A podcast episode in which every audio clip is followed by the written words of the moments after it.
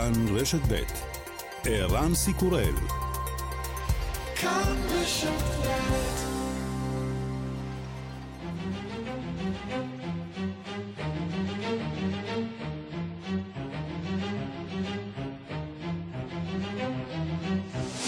השעה הבינלאומית 28 בספטמבר 2022 והיום בעולם. Less than 55 miles right now, the eye from Fort Myers. It's a major hurricane, winds at 140, a category 4 storm right now. פלורידה בכוננות ספיגה, בשעות הקרובות תפקוד את הצד המערבי של חצי האי סופת הוריקן בדרגה 4. כבר מאה שנים שסופת הוריקן לא פגעה פגיעה ישירה באזור העיר טמפה, הפעם זה עלול לקרות. שלושה מיליון בני אדם חיים בנתיב הסופה הראשי. הוריקן איין פקד כבר את קובה והותיר את כל התושבים בלי חשמל. את הניצחון הזה אי אפשר היה שלא לצפות. מוסקבה טוענת הלילה שרוב מוחץ מתושבי ארבעת המחוזות במזרח אוקראינה הצביעו במשאל עם בעד סיפוחם לרוסיה. בקהילה הבינלאומית מגנים את משאלי העם ומבהירים שאין להם שום תוקף בינלאומי. נשיא אוקראינה זלנסקי אומר, מבחינתנו משאל העם הזה לא משנה. בודיקי זלוצ'יני די רוסי, ניצ'ו לא נזמינת לאוקראינה. Ми визнаємо статут ООН. ми визнаємо базові принципи. אף אחת מהפעולות הפליליות של רוסיה לא תשנה דבר מבחינת אוקראינה. אנחנו מכירים באמנת האו"ם ובעקרונות הבסיסיים של דו-קיום בין עמים.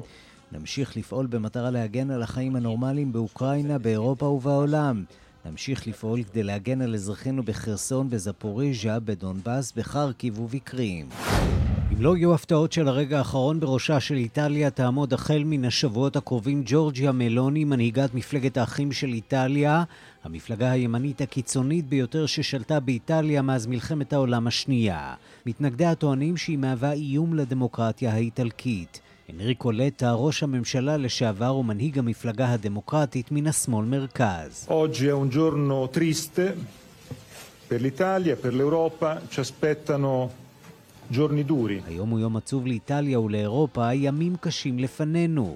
את הטענות האלה מלוני דוחה מכל וכול. For days I uh, have been reading articles in the international press about the upcoming elections that will give Italy a new government.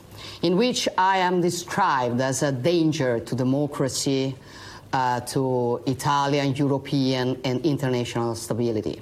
None of this is true. במשך ימים קראתי מאמרים בתקשורת הבינלאומית על הבחירות שייתנו לאיטליה ממשלה חדשה שבהם אני מתוארת כסכנה לדמוקרטיה, לאיטליה וליציבות של אירופה והעולם. שום דבר מזה לא נכון. Less than an hour ago, North Korea fired a ballistic missile toward the East Sea.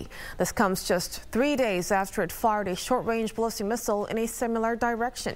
הטלוויזיה של קוריאה הדרומית מדווחת כי קוריאה הצפונית שיגרה בצהריים טיל בליסטי במה שנראה כמחאה כמעט שגרתית על תמרונים משותפים בין קוריאה הדרומית לארצות הברית. בוושינגטון מעריכים כי קוריאה הצפונית נערכת לביצוע ניסוי גרעיני במועד לא ידוע באמצע החודש הבא.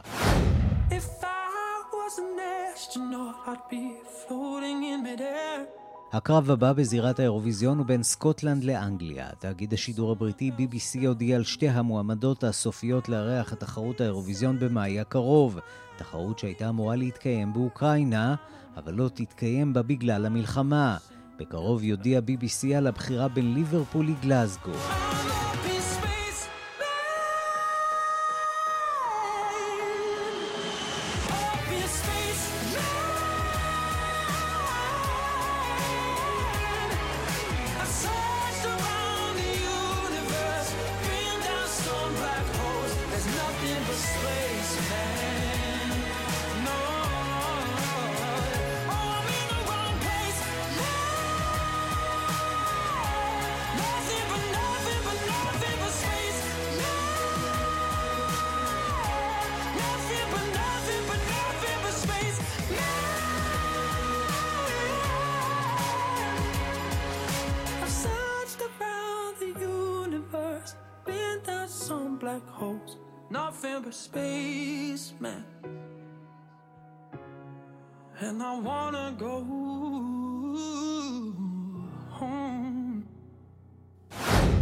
השעה הבינלאומית שעורך זאב שניידר, מפיקה אורית שולץ, בביצוע הטכני חיים זקן ושמעון דוקרקר, אני רנסי קורל, אנחנו מתחילים.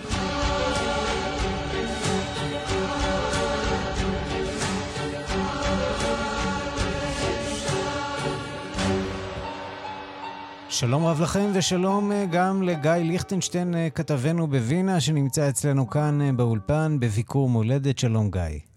שלום ערן. אנחנו נדבר בהמשך קצת על השינויים שעוברים על אירופה, בעיקר על רקע מה שמתחולל באיטליה. האתגרים שרוסיה מעמידה בפני מדינות אירופה, כולל הקטנות שבהן. אבל אנחנו רוצים להתחיל באמת במלחמה באוקראינה, שייתכן ומתחילה להתקרב לשלב חדש. עוד ועוד מדינות ברחבי העולם מנחות את האזרחים שלהן לצאת את רוסיה מחשש של חסימת הגבולות כליל, ובתוך כך הפיצוצים המסתוריים בצנרת הגז בין רוסיה לגרמניה. פרויקט נורסטרים הוא מעלה את המתיחות בין המערב לרוסיה. שמתעממת מצידה אה, על כל אלה. שליחנו לאירופה, דוב גילהר, שלום דובי. שלום ערן, אה, לגבי משאל העם אה, ומה שעומד לקרוא עם סיפוח אה, השטחים האוקראינים שבמזרח המדינה לרוסיה, אתם תשמעו בהמשך, אבל במסגרת העניין הזה והקדרה הזאת שמבעבעת ורותחת וממשיכה לרתוח, אז יש לנו הנחיה מצד שלל מדינות, למשל, זה התחיל, היום התחיל עם זה שבולגריה ופולין קראו לאזרחיהן ששוהים ברוסיה לעזוב את המדינה, בהמשך גם ארצות הברית קראה לאמריקאים הלא רבים אני מניח שעוד נשארו שם לעזוב את המדינה, וצריך לזכור, קשה לעזוב את רוסיה כמו שקשה להגיע אליה, בגלל שהעולם המערבי הפסיק את טיסותיו אליה, וצריך... זה לא רק לאזרחים או... רוסים, זה גם לזרים קשה להיכנס ולצאת כמובן. נכון, וכמו שהמטוסים מלאים לאזרחים רוסים שנמלטים מגיוס, ככה הם גם מלאים לאזרחים הזרים שרוצים לצאת. ולכן המדינות אה, ממליצות לאזרחיהן להקדים ולצאת גם במעברים היבשתיים. אה, מכיוון שאין לדעת לאן זה אה, מתקדם.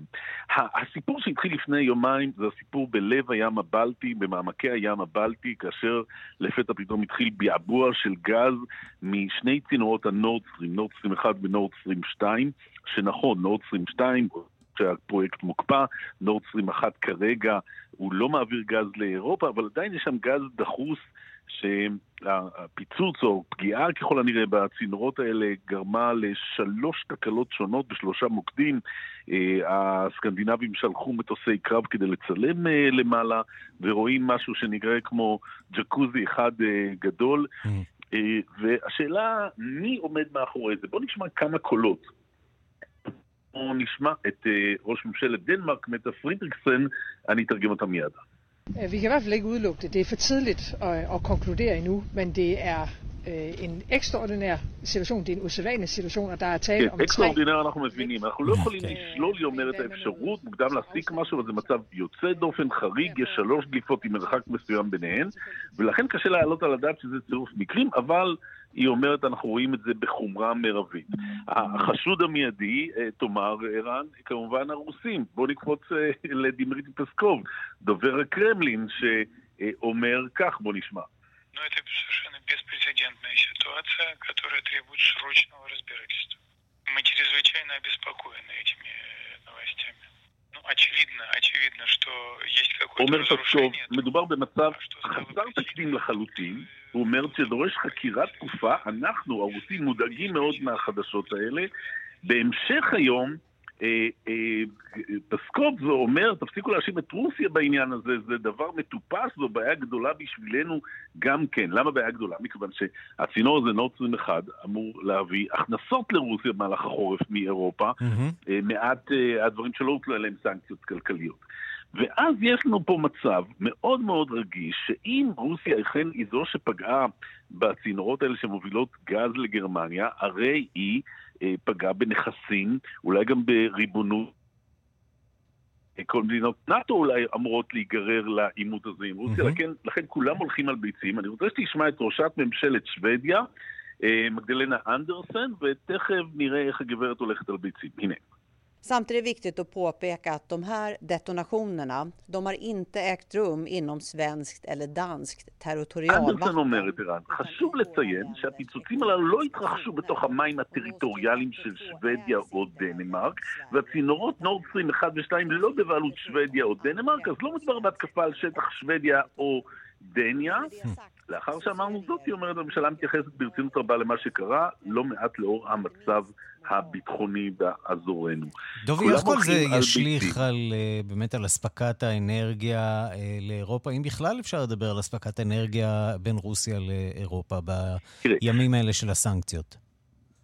קודם כל, אה, אף איש אה, טכני הנדסי לא נתן אה, הערכת זמן לגבי מתי התקלות האלה יכולות להיות מתוקנות. זה במעמקי הים הבלטי, צריך לצלול עמוק כדי להגיע לצינורות האלה כדי לתקן אותם. אבל אם יש איזשהו גוף, איזושהי צוללת גוזרת צינורות שמחבלת בהם, שלך תדע למי היא שייכת, היא יכולה לגרום עוד נזקים. יש גם את הצינור שמספק לפולין אנרגיה וגז מנורבגיה, ויש צינורות שמספקות אה, אה, אה, אה, גז מנורבגיה לבריטניה. כך שאם מישהו לקח לעצמו למטרה לחבל בכלכלה העולמית ובהעברת האנרגיה בעולם, הוא יכול לעשות את זה מאוד בהצלחה.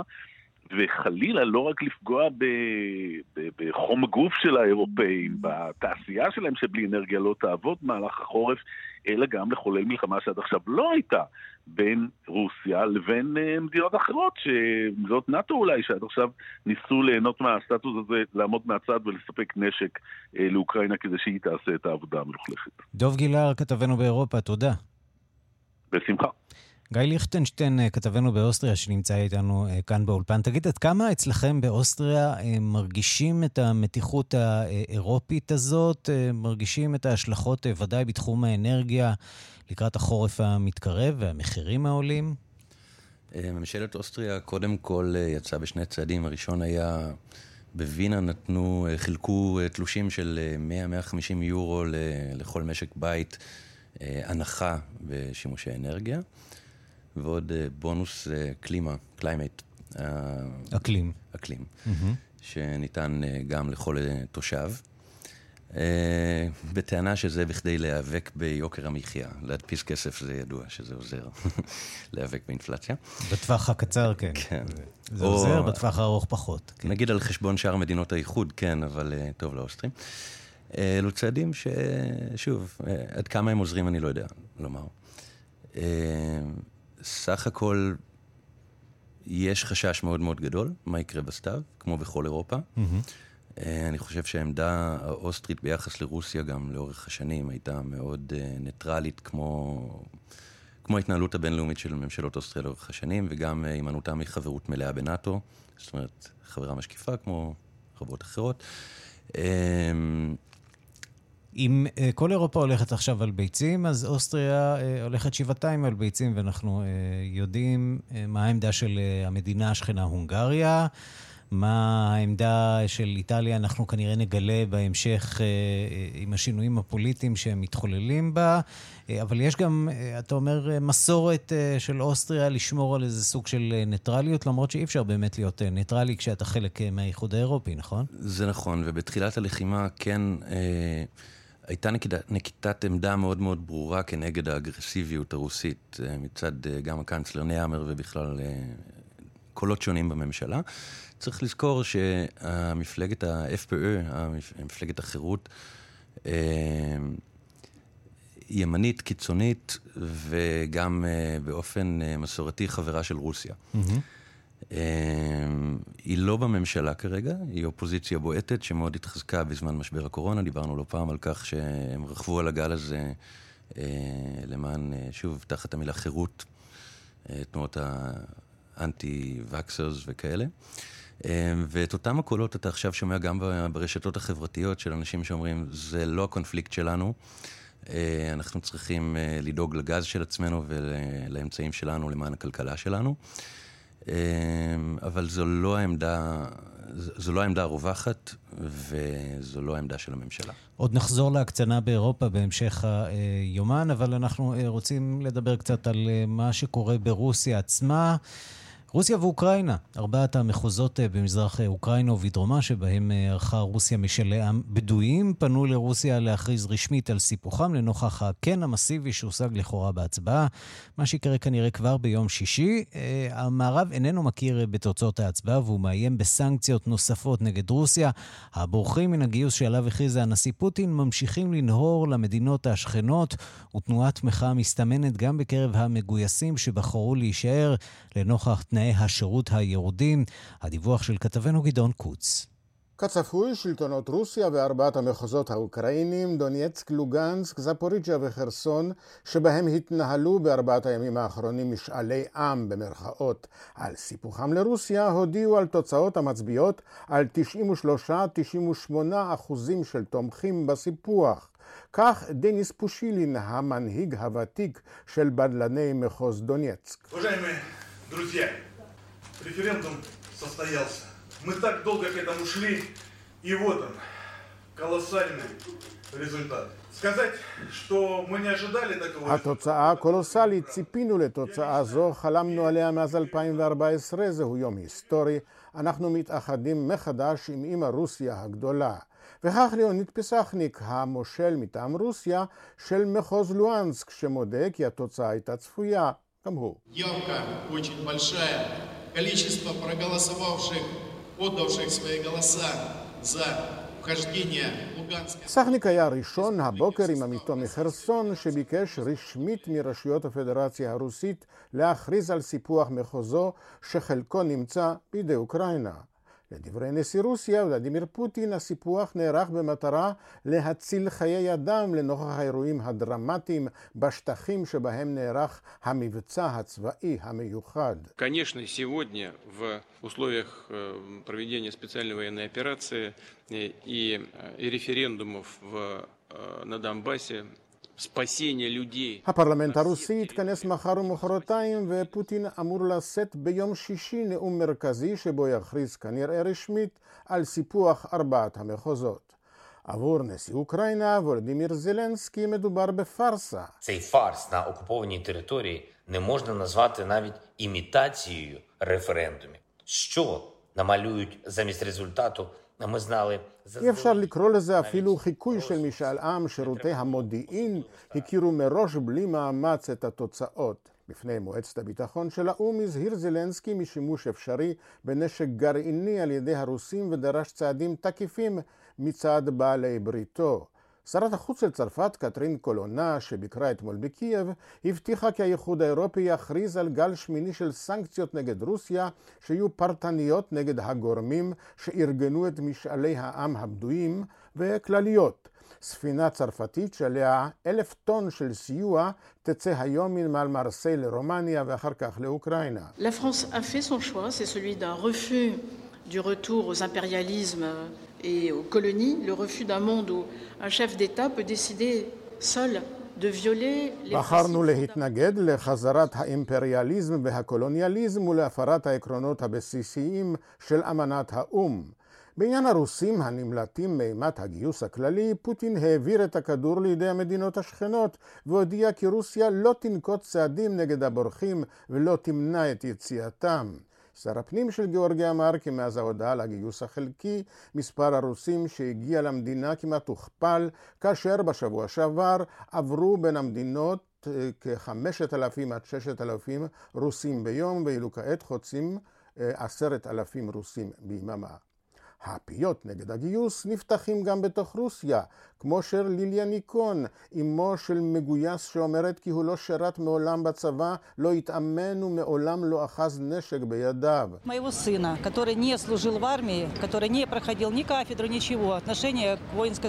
אבל המחאה מגיעה גם מקרב המתגייסים, הם מפיצים סרטונים שבהם רואים את ההזנחה, המחסור וחוסר האמצעים של הצבא. אם זה יימשך, לא אוכל להגן על מולדתי, אומר אחד מהם. ואילו מדריכה צבאית מסבירה למתגייסים כי פרט למדים ולנשק הם לא יקבלו דבר מהצבא, היא מציעה להם לפנות לנשותיהם וחברותיהם ולבקש טמפונים, משום שבעזרתם ניתן יהיה למנוע זרימת דם מהפצעים בשדה הקרב. כאן גדעון קוץ. שלום ליאיר נבות. שלום ערן. פרשן לענייני רוסיה ומדינות ברית המועצות לשעבר. אתה אומר שאנחנו נכנסים עכשיו לשלב המסוכן ביותר מאז רוסיה הרחיבה את הפלישה שלה לאוקראינה בחודש פברואר. מה מסוכן יותר בשלב הזה מן השלבים הקודמים? כן, נכון, אנחנו נמצאים, אני חושב, כמו שכתבתי כרגע, בשלב הכי מסוכן למעשה מאז שהורחבה הפלישה הרוסית לאוקראינה בחודש פברואר, וזאת משום שהמתיחות בין רוסיה לבין המערב על רקע סוגיית אוקראינה בעצם מגיעה לרמה, לרמתה הגבוהה ביותר מאז חודש פברואר, וזה קורה על רקע אותם איומים של הנשיא פוטין להשתמש ב, ביכולת הגרעינית של רוסיה, אם וכאשר אוקראינה תעשה שוב, תנסה שוב לפגוע בכוחות הרוסיים שבעצם נמצאים בשטחים שאוקראינה מספחת, סליחה, שרוסיה מספחת. אנחנו מדברים על, כמובן על חבל דנבאס ועל מחוזות חרסון וזפוריז'יה. בסוף השבוע הנוכחי הנשיא פוטין אמור בעצם אה, לנאום מול שני בתי הפרלמנט במוסקבה, ובעצם אה, להכריז אה, באופן רשמי אה, על הסיפוח. כשאני חושב שמבחינתו של הנשיא פוטין צריך, חשוב להבין, אני חושב שהוא היה מוכן ושמח לסיים את המלחמה הזאת כבר לאחר הסיפוח הזה. Mm-hmm. הוא אה, מבחינתו יכול להציג אה, אה, הישג אה, משמעותי. הסיפוח הזה הוא בעצם של 15% משטחה של אוקראינה, לא כולל חצי האי קרים כמובן אה, מ-2014. ולכן פוטין היה שמח לעצור. אבל הוא מבין שאוקראינה כמובן לא, לא תוותר. הללו, mm-hmm. ולא תוותר, בוודאי לא כשהמומנטום בשדה הקרב נמצא בצידה לאחר מתקפת הנגד. או, ה... אז פה אני באמת רוצה לשאול אותך עד כמה באמת אה, המומנטום נמצא בצידה של אה, אוקראינה. Uh, עד כמה באמת הכיבושים שלה או השחרורים שלה הם משמעותיים בשבועות האחרונים ביחס לתמונה הכוללת של הכיבוש הרוסי? כן, אז למתקפת הנגד המוצלחת של אוקראינה במחוז חרקיב לפני שלושה שבועות הייתה חשיבות מאוד מאוד גדולה. קודם כל משום שהצבא האוקראיני הוכיח יכולת צבאית התקפית ממשית, ובעצם הצליח להניס, פשוט כך, את הצבא הרוסי בגזרת חרקי ולשחרר שטח מאוד מאוד גדול, ובמעשה הזה הוא גם אה, בעצם אה, הניע סוג של הבנה מדינית במערב, רוצה לומר למערב, אנחנו מסוגלים אה, לתקוף, אנחנו מסוגלים לשחרר את השטחים שרוסיה כבשה, להשיב אותם לידינו, ולכן אנחנו חייבים את התמיכה שלכם, המערב, את המשך התמיכה הזאת, את התמיכה העקבית אה, אה, בנשק, אה, במערכות אה, מתקדמות. בעצם המערכות האלו שיחקו אה, תפקיד מאוד מאוד חשוב אה, בשבועיים, שלושה האחרונים במהלך הזה האוקראיני, ולכן אני חושב שפה תמונה גם החשיבות של העניין הזה. ומעבר לכך, גם בפן הצבאי-אופרטיבי, זה גרם אה, לרוסים אה, קושי מבצעי מאוד מאוד גדול, והקושי הזה הוא שגרם לנשיא פוטין בעצם לבצע צעד שהוא ממש ממש לא רצה, וזה הצעד של הגיוס. או, אז אני באמת רוצה לשאול אותך על הגיוס הזה, כיוון שכרגע זה נראה קצת ברדק הסיפור הזה. כן. אה, גם מחאות אה, בתוך אה, רוסיה, גם הבריחה ההמונית הזאת, שרוסיה בשלב הזה עדיין לא עוצרת אותה, אבל אולי עוד תעצור אותה. לא נראה שההמונים ששים להתגייס לצבא הרוסי עכשיו.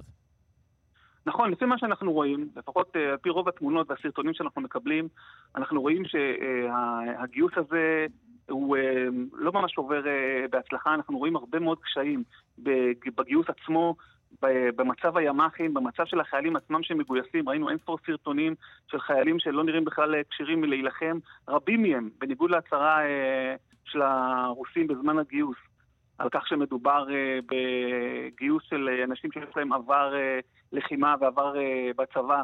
רבים מהאנשים שמגויסים הם בגילאים גדולים בגיל גיוס, אה, הם אה, במצב גופני לא לגמרי תקין, רבים מהם בכלל אין להם עבר צבאי, ולכן הגיוס הוא ככל הנראה רצון רוסי מהיר, נקרא לזה לייצר מסה, לגייס כמות מאוד מאוד גדולה של, של אנשים, של חיילים.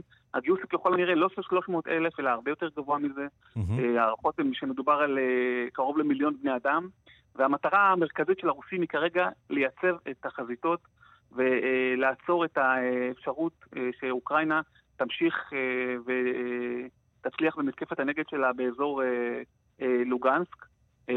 ואני חושב שמבחינה הזאת, זהו כמעט הימור, הימור מאוד מאוד גדול של הנשיא פוטין, שבעצם עושה מהלך שהוא לא רצה לעשות, שגם, כמו שאמרת נכון, בעצם מעורר עליו הרבה זעם בתוך רוסיה, מעורר בריחה מאוד גדולה. אנחנו שומעים הערכות שעד עתה עזבו את רוסיה בערך בין 250 ל-300 אלף בני אדם בדרכים שונות, בטיסות, במעברי הגבול היבשתיים. אמ, וזה מעמיד כמובן את הצבא הרוסי אה, אה, בבעיה. תרשה לי אה, לנחש שאת אדוארד סנודן לא עומדים לגייס כאן בגיוס הזה, נכון? לא, כן, למרות שהוא קיבל אזרחות רוסית, האזרח החדש. אני מאמין שינצלו אותו בדרכים אחרות, קצת יותר מועילות, שמתאימות לכישורים שלו, אבל אנחנו בהחלט, אני חושב, כמו שאמרתי, נמצאים בשלב מאוד, מאוד מעניין ומאוד מסוכן, משום שאפשר להניח שאוקראינה כמובן בגיבוי המערב, לא אה, מתכוונת אה, ל... כשברקע כמובן האיומים החוזרים ונשנים על uh, שימוש אפשרי בנשק uh, גרעיני, שלא נגיע ליום הזה. יאיר נבות, עיתונאי ופרשן לענייני רוסיה ומדינות uh, ברית המועצות לשעבר, תודה רבה לך. תודה לך, תודה.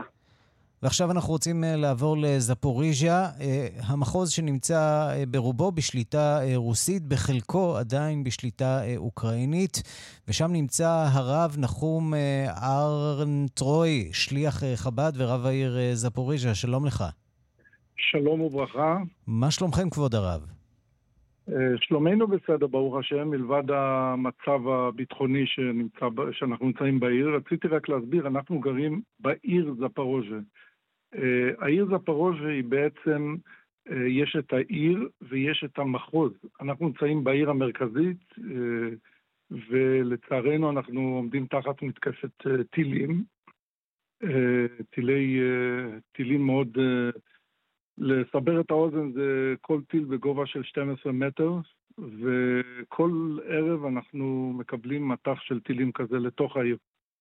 תגיד, אה, אתם בעצם אה, באזור שנמצא בשליטה אוקראינית, עד כמה באמת אתם מרגישים שהצבא האוקראיני מצליח לשמור על העיר הזאת? עיר לא קטנה. העיר זפרוז'ה ממוקמת בדרום-מזרח אוקראינה, עיר בכלל לא קטנה, 850 אלף תושבים. Mm-hmm. אנחנו, אם אה, לסבר את האוזן, זה כמו נמצאים בעוטף עזה. אה, של, מהעיר שלנו, 40 קילומטר מהעיר, זה כבר מקום שסופח. זאת אומרת, המחוז של זפרוז'ה הוא כבר מסופח ל, ל, בשלטון רוסי. Mm-hmm. העיר זפרוז'ה עדיין לא מסופחת לרוסיה. אנחנו בשלב זה בשליטה מלאה של אוקראינה. והאוקראינים, אני יכול להגיד אה, בצד, לא, אני לא איש צבאי, אבל אני יכול להגיד מה שהרגשנו הערב האחרון, שהיה אה, פחות התקפות, וזה כנראה הודות לכוח האוקראיני. כן, אתם מרגישים שיש איזו אה, בלימה מסוימת של ההתקדמות הרוסית? אה, זה לא רק... מה שאנחנו מרגישים פה, לדעתי, זה יותר הפחדה להפחיד את האוכלוסייה שנמצאת בעיר. כי להיכנס לפה, לא נראה לי שהם יכולים להיכנס. Mm-hmm. אבל אני אומר את זה עוד פעם בהסתייגות, אין כזה דבר, המלחמה הזאת תראה לנו שאין אה, דבר שבלתי אפשרי, אבל בעיקרון אנחנו נמצאים פה בשביל היהודים, אה, בשביל הקהילה היהודית, וזה בעצם מה שאנחנו עושים. לראש השנה הגיעו מאות יהודים, קרוב ל-400 איש, ב- לשמוע תקיעת שופר, וגם כן לשמוע חיזוק אה, רוחני וגם כן חיזוק גשמי שאנחנו נותרים להם. כמה יהודים נותרו בזפוריז'ה? מידע מדויק אני לא יכול אה, לתת לך כרגע, mm-hmm. אבל מה שכן אני יכול להגיד לך, לי יש קשר אישי עם uh, אלף משפחות שעדיין נמצאים פה. Uh, כל יום המספר הזה, הנתון הזה עולה ועולה, משהו מאוד, תופעה מאוד מוזרה. החל מהזמן של המלחמה בחצי שנה הקרובה, בעצם הקהילה שלנו, מצד אחד העלינו לארץ מאות משפחות, שכבר אזרחי מדינת ישראל. למה זה קורה? זה, עם... אנחנו מדברים בעצם על אה, הגירה מהמחוזות המזרחיים, יותר ויותר אזורים שנופלים אה, בעצם לשליטה של הרוסים, ואנשים עוזבים אותם והולכים מערבה, אה, אפילו לקצה הכי מזרחי במערב שאפשר? מה שקורה היום בעצם על מה שאתה שואל זה... המצב הוא שאלה שנמצאים כבר במקומות שסופח לרוסיה, הם לא יכולים לעבור לרוסיה, לאוקראינה, mm-hmm. אלא הם צריכים לצאת, אם רוצים לצאת, רק דרך רוסיה. אני מדבר על אותם uh, אזרחים שנמצאים אצלנו בעיר, שמי שרצה לעשות, uh, שנחלץ אותו בעצם מהעיר לכיוון uh, הגבול, עזרנו להמון משפחות. רק מה שביחד עם זה, תופעה מאוד מוזרה, אנחנו נמצאים פה כבר שליחי חב"ד 25 שנים בעיר, ומגיעים לפה יהודים שמעולם לא היה להם שום קשר עם הקהילה. Mm-hmm. וזה דבר מאוד מעניין כשלעצמו. הסיבה שהם. ברגע האמת הם מחפשים כנראה את, ה... את מי שיכול לעזור להם, מי שיכול להציל אותם. אה, גם להציל, אבל הייתי אומר גם כן לשמוע איזה דבר, לקבל לא רק עזרה גשמית, גם בפירוש עזרה רוחנית. Mm-hmm. היהודים שנמצאים פה לא יכולים, שאלו אותי אם כן, למה אתה לא מעלה את כל הקהילה? אז הסברתי, פשוט לא, לא כל כך מובן לגמרי. מגילאי 18 עד גיל 60 לא ניתן לעזוב את האוקראינה, ולכן ישנן משפחות שלא רצו לפרק את המשפחה, אז הם נמצאים פה, כולם פה. אבל שוב פעם, ימים יגידו, אנחנו בינתיים נמצאים פה ממש בסכנה מאוד גדולה, גם בהתחשב בכך שאנחנו בקו אווירי בסביבות ה-50 קילומטר מה...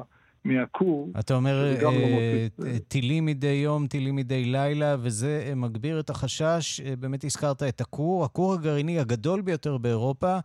נמצא בסך הכל 50 קילומטר ממך, בשליטה רוסית כרגע. עד כמה כן. אנשים כן. מוטרדים מהעניין הזה?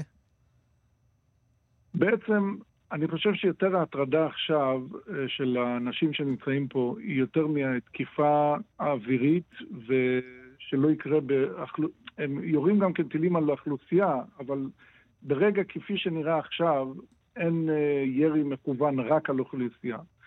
אז uh, אתה יודע, כל האנשים חושבים על מה שיש עכשיו כרגע, הבעיה עם ההפרעות שיש טילים בעיר. Mm-hmm. לא חושבים על הנושא של הדליפה, כי בעצם אני לא חושב שזה בעיה רק של אוקראינה, זה יהיה בעיה של כל אירופה. כך שברגע הנכון עכשיו, יש אמנם חשש גדול, אבל לא זה החשש שאנשים, אה, מה שאני שומע מאנשים מהקהילה שחוששים. הרב ארנטרוי, אה, שליח חב"ד אה, ורב העיר זפוריז'יה, מתי אתם חוזרים לארץ ומביאים את הקהילה ביחד איתכם? זו שאלה טובה. שליח חב"ד הוא כמו הקברניט של הספינה. והרבי לימד אותנו, קברניט עוזב את הספינה האחרון. אנחנו נהיה פה כל זמן שצריכים אותנו. כל הארגונים היהודים למיניהם עזבו פה כבר את השטח. אנחנו הארגון היחידי שנמצא פה בעיר, ונמשיך להיות פה עד כמה שידרש מאיתנו. ובפרט עכשיו אנחנו נמצאים לפני יום כיפור וחג הסוכות. אנחנו ממשיכים הלאה, בונים פה סוכה גדולה ומצפים למאות יהודים שיגיעו ל... ליום כיפור לבית הכנסת. כך שלעת עתה אין לנו שום תכנון לעזוב פה, אבל כולנו תקווה ותפילה שהשקט והשלום יחזור לעיר. רב העיר של זפוריז'יה, תודה רבה לך על הדברים, ומה נאחל לכם חתימה טובה ושמרו על עצמכם שם, זה לא נשמע סימפטי כרגע. תודה רבה. אכן כן. אני אגיד לך, בטורי לבוא לעשות פה עסקים עכשיו לא הייתי ממליץ לעשות. לא, ממש אה, לא, לא זמן טוב לעסקים. תודה רבה לך, הרב נחום אה, אנטרוי. תודה רבה, וגמר חתימה טובה לכולכם. חתימה טובה.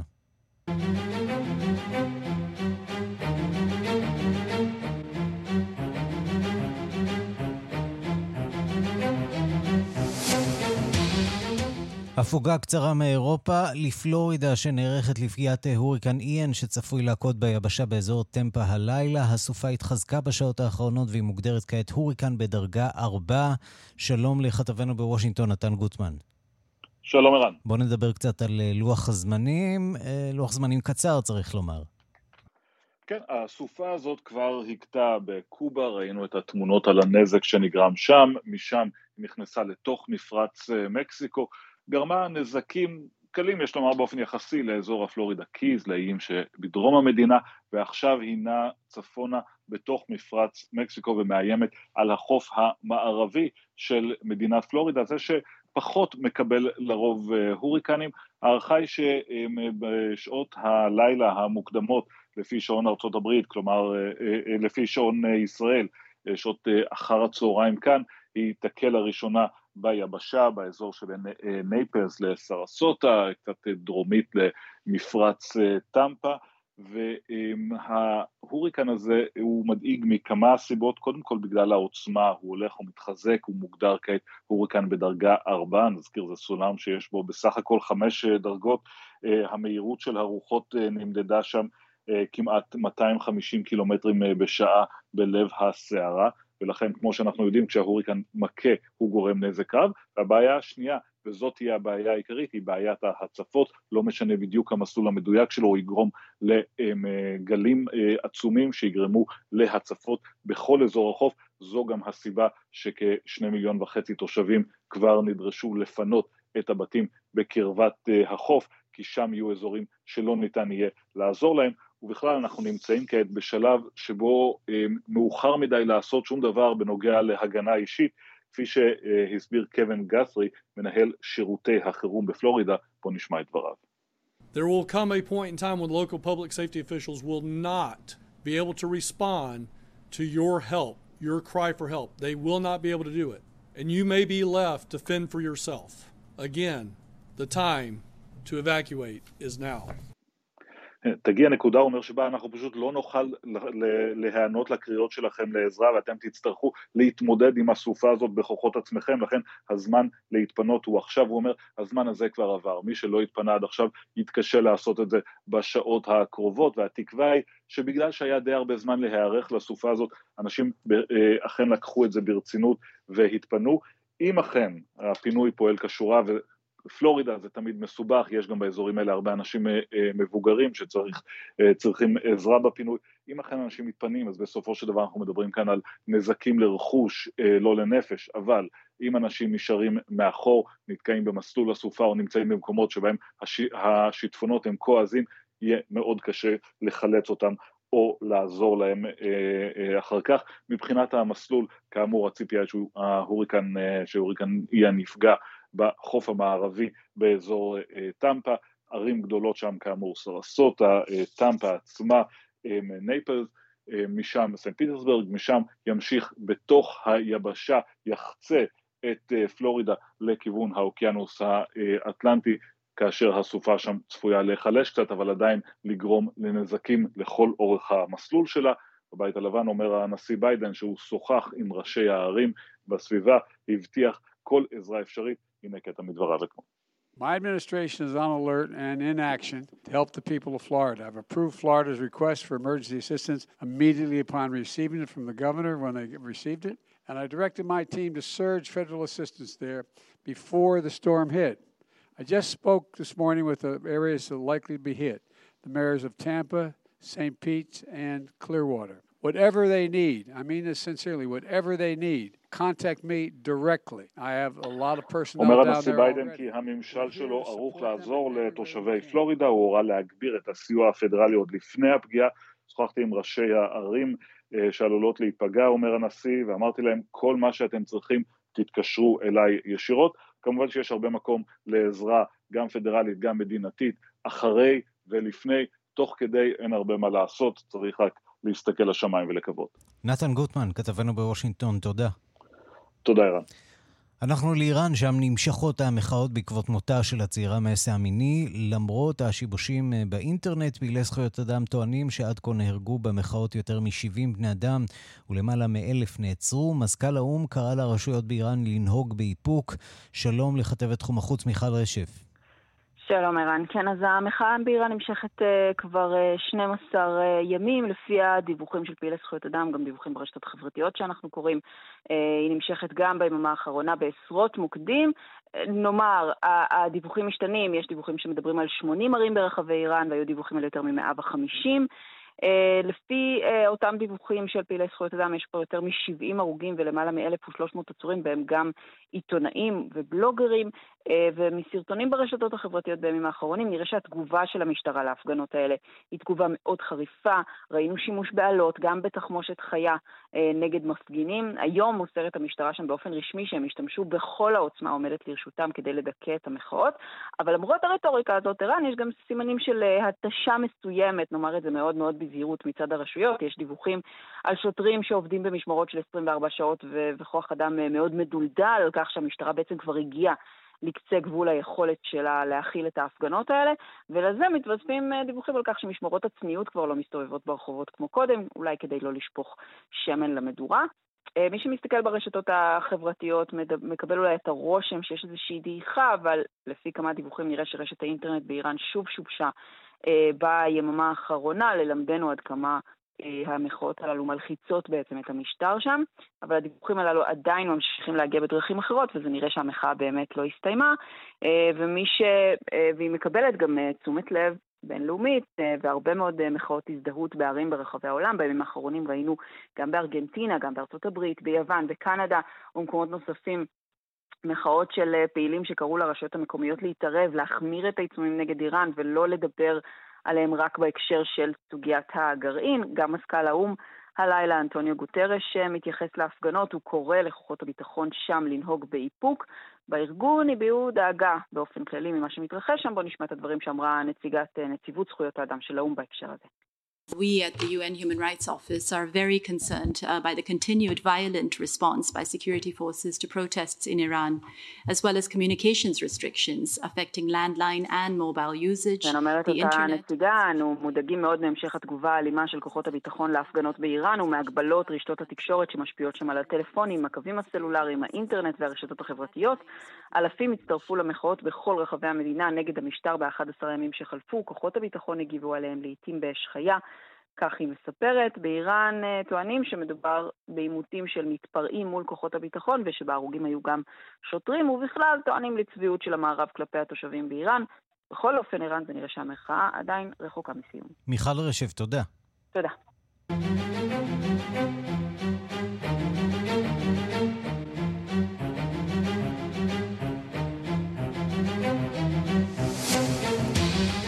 אנחנו לאיטליה. יורשי הפשיזם והימין כבשו את איטליה, הם זכו ברוב מוחלט בבתי הפרלמנט. מנהיגת המפלגה ג'ורג'יה מלוני תהיה האישה הראשונה שתעמוד בראשות הממשלה, וסילביו ברלוסקוני, בן ה-86, עשוי להיבחר לראשות הסנאט. איטליה פותחת פרק חדש בתולדותיה, חדש-ישן. דיווחו של כתבנו ברומא, יוסי בר. הניצחון של הימין הקיצוני בבחירות גרם לירידת אדמה פוליטית באיטליה. מפלגת האחים של איטליה, מפלגה של יורשי הפשיזם, רמסה את כל המפלגות. לא רק את השמאל הדמוקרטי, שמנהיגה אנריקו לטה הודיע על התפטרותו, אלא גם את מפלגות הימין האחרות. ג'ורג'ה מלוני, מנהיגת הפוסט-פשיסטים, שאבה את קולותיה ממפלגת הלגה של סלוויני וגם ממפלגתו של ברלוסקוני. היא זכתה ב-26% לעומת 8% של שותפיה לקואליציה. מלוני ויורשי הפשיזם הפכו לכוח הפוליטי השולט במדינה, והקואליציה הימנית זכתה ברוב מוחלט בשתי בתי הפרלמנט. רבים סבורים כי הבוחרים האיטלקים חסרי אחריות והם הצטערו על בחירתם. והסימנים כבר נראו אמש בסקר ראשון אחרי הבחירות המורה כי 48% מהאיטלקים סבורים כי בחירתה של מלוני לראשות הממשלה לא תועיל לאיטליה. האיטלקים אינם חוששים משובו של הפשיזם, אך מודאגים מאוד מאיבוד זכויות האדם, הדמוקרטיה ולחיזוק החזית הלאומנית באירופה. Meloni mensà להרגיע את הבוחרים. Questo è il tempo in cui se si vuole far parte della storia si deve capire la responsabilità che si ha nei confronti di decine di milioni di persone perché l'Italia ha scelto noi e noi non la tradiremo. זה הזמן לאחריות. אנו רוצים להיות חלק מההיסטוריה של המדינה, מיליוני איטלקים בחרו בנו ואנו לא נבגוד בהם. אנו רוצים להחזיר להם את הגאווה בזהותם האיטלקית. גם ברלוסקוני שמחר יחגוג 86 שנים ומחזיק בידו את חברתו בת ה-32 מבטיח לאיטלקים כי הוא יערוב לדמוקרטיה. הציבור מפקפק מאוד בדבריו. שליש מהבוחרים האיטלקים לא הצביעו והסוקרים סבורים כי ניצחונה של מלוני ויורשי הפשיזם הם הצבעת מחאה נגד הפוליטיקאים חסרי האונים באיטליה. האיטלקים בחרו את הממשלה הימנית הקיצונית ביותר מאז ימי מוסוליני. הם בחרו בפעם הראשונה באישה לראשות הממשלה ובישיש נואף בן 86 שנידון למאסר בשל העלמת מיסים. האם יורשי הפשיזם והימין השמרני יצילו את איטליה מקריסה כלכלית או שאולי יגרמו לקרע באיחוד האירופי ולמשבר חברתי בתוך המדינה. את הברכות הראשונות לניצחונה קיבלה מלוני ממרי לפן הצרפתייה מראש ממשלת הונגריה אורבן ומהניאו-פשיסטים הגרמנים. כאן יוסי בר, רומא. שלום לפרופסור מנואלה קונסוני. שלום. ראשת המרכז הבינלאומי לחקר האנטישמיות על שם וידל ששון באוניברסיטה העברית. אה, סיפור אישי, סבא וסבתא שלי, אה, שניהם חיו תחת אה, השלטון הפשיסטי, נמלטו משם כל עוד נפשם בהם באוניית מעפילים. והם כמובן לא זכרו את הפשיזם ב... כתקופה יפה בחיים שלהם, וזה בלשון המעטה. האם הפשיזם של מלוני הוא אותו פשיזם של מוסוליני? טוב, אם הוא זה אותו פשיזם, זה בכל זאת הוא לא אותו פשיזם של, של מוסוליני. יש uh, דבר שצריכים להבין, בהחלט. Uh, uh, אי אפשר אפילו לדבר על אכזבה, כי בסופו של דבר זו הייתה קרונה כידועה מראש. Mm-hmm. זאת אומרת, לא ברמה הזאת, כי צריכים לזכור שב-2018 המפלגה פרטלי דיטליה היא קיבלה ארבע בנקודה שלוש אחוז. אז מה קרה כאן? הציבור האיטלקי לא הפך לפתע אני... לתומך אה, תנועות פשיסטיות. אני, אני לא חושבת שזה מדובר על הבוחרים. לא מן הסתם מלוני הבינה שמי ש-22 אחוז של העלייה שלה איננה אנשים שהם שייכים על מה שנקרא לודזו קולודורו, לא? הגרעין הקשה mm-hmm. של המפלגה, שבהחלט יש לה בדיוק את אותן מנטרות במובן הזה שהם אומרים אה, לא, לא לשלול, אבל גם לא להחזיר את הפשיזם. זה הייתה גם אחד מהמילים שאוגוסטו דה מרסניץ', שהוא היה הראש המזכיר של המפלגה הפשיסטית, מובימנטו סוציאל איטליאנו ב-1946, הוא אמר, זאת אומרת, אנחנו לא רוצים להחזיר את הפשיזם, אבל אנחנו גם לא רוצים לשכוח אותו. Mm-hmm. עכשיו, צריכים לזכור שהיא, כמו שנאמר על ידי יוסי בר, היא האישה הראשונה שהגיעה לרשות הממשלה לאיטליה, אבל מבחינה אידיאולוגית היא מובנית בתוך המסורת של הנאו-פשיסטית, אפשר לומר. היא לא מגדירה את עצמה ככה, זאת אומרת, היא גם לא הגדירה את עצמה בסרט התיעודי על ה-movement, The Brink, של סטיבן בנון, שבו על השאלה אם הם פשיסטים, הם, היא, היא אמרה שלא. היא בוודאי אולטרה לאומנית, שמרנית, עם סוג של לאומניות אתנית, שבו הערכים של פטריה פמיליה, no? המולדת, המשפחה, והערכים הם אותם בדיוק, אותם אז מה בכל זאת אה, אה, מבחין בינה לבין אה, מנהיגים שמרנים באירופה? אני אגיד מה אני חושבת, כן? אני לא יודעת, mm-hmm. כי עדיין... אני לא בחרתי ראינו. באלה שהם הפסידו, mm-hmm. לכן את ההתבוננות שלי מעבר לעניין של אכזבה, שהיא מילה מטומטמת. שנינו שותפ, בה... שותפים להצבעה ושותפים לאכזבה. כן, זאת הזה, אומרת, כן. אבל בכל זאת, יש כאן, הייתי אומרת, מסורת של הבניית לאומיות. Mm-hmm. וכאן אה, זה הערכתי על מה שהיה התופעת הפשיסטית באיטליה, היא זאת שבנתה האיטלקיות של האיטלקים. אחרי המשטר הליברלי, שהוא לא הצליח לאחד מה שהיה את הצפון והדרום, וכאן לדוגמה זו דוגמה טובה על כך שהאזורים שבו מלוני אה, גברה מבחינה מספרית על, על, אה, על סלוויני, שהוא בולי לעומתה. זאת mm-hmm. אומרת, הוא, הוא איש אה, לא של קרקס, אבל בוא להגיד, לא כל כך רציני כמוה. עובדה שבאמת היא תפסה אותם מקומות של לומברדיה, של ונטו, וגם פריולי ונציה ג'וליה. שהם אזורים היסטוריים מאוד מאוד שמרניים. טוב, אנחנו נצטרך לחכות ולראות אה, איזה אה, משטר יתכונן שם בדיוק. באיטליה בשנים הקרובות. פרופסור מנואלה קונסוני, תודה רבה לך. תודה לכם. להתראות. אנחנו רוצים uh, לסיים uh, עם חדשות שמגיעות אלינו מקובה. 66% מהקובנים הצביעו בעד נישואים גאים, פונדקאות ואימוץ במשאל עם היסטורי. מדובר ברגע משמעותי עבור קובה, שבה להט"בים uh, נרדפו ונשלחו למחנות עבודה במהלך שנות ה-60 וה-70. שלום למשה מורד, עורך ומגיש רדיו מונדו בכאן תרבות. דוקטור משה מורד, חוקר קובה. אה, כן. וזו בהחלט אה, בשורה שמגיעה אה, מהמדינה הלא דמוקרטית הזאת.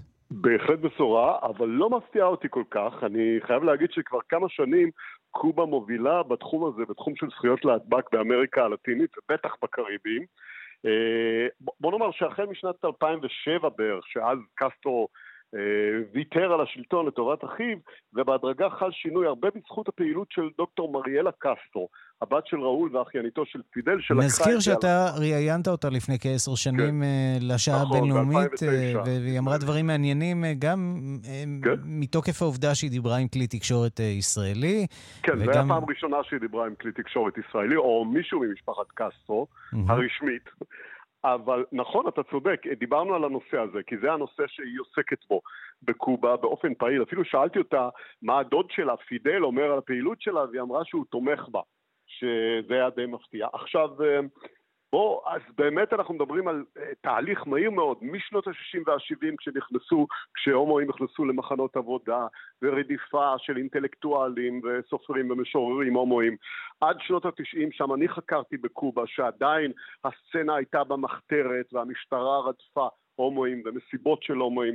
ועד למה שקורה היום והפתיחות הזאת. אז uh, יש לי הסברים לכך, כמה, ארבעה הסברים, אני מנסה לעשות את זה בקיצור. Mm-hmm. Uh, הראשון זה שההומופוביה ודיכוי ההומואים של קובה, שאנחנו מכירים אחרי המהפכה, הייתה פוליטית בעיקרה ולא דתית, והיא הייתה בהנהגת צ'ה גווארה וקסטרו בזמנו, וקסטרו עצמו ב-2010 לקח על עצמו את האשמה, התחרט וביקש סליחה על ההתנהגות של, של, אה, שלהם כלפי ההומואים בתקופת המהפכה.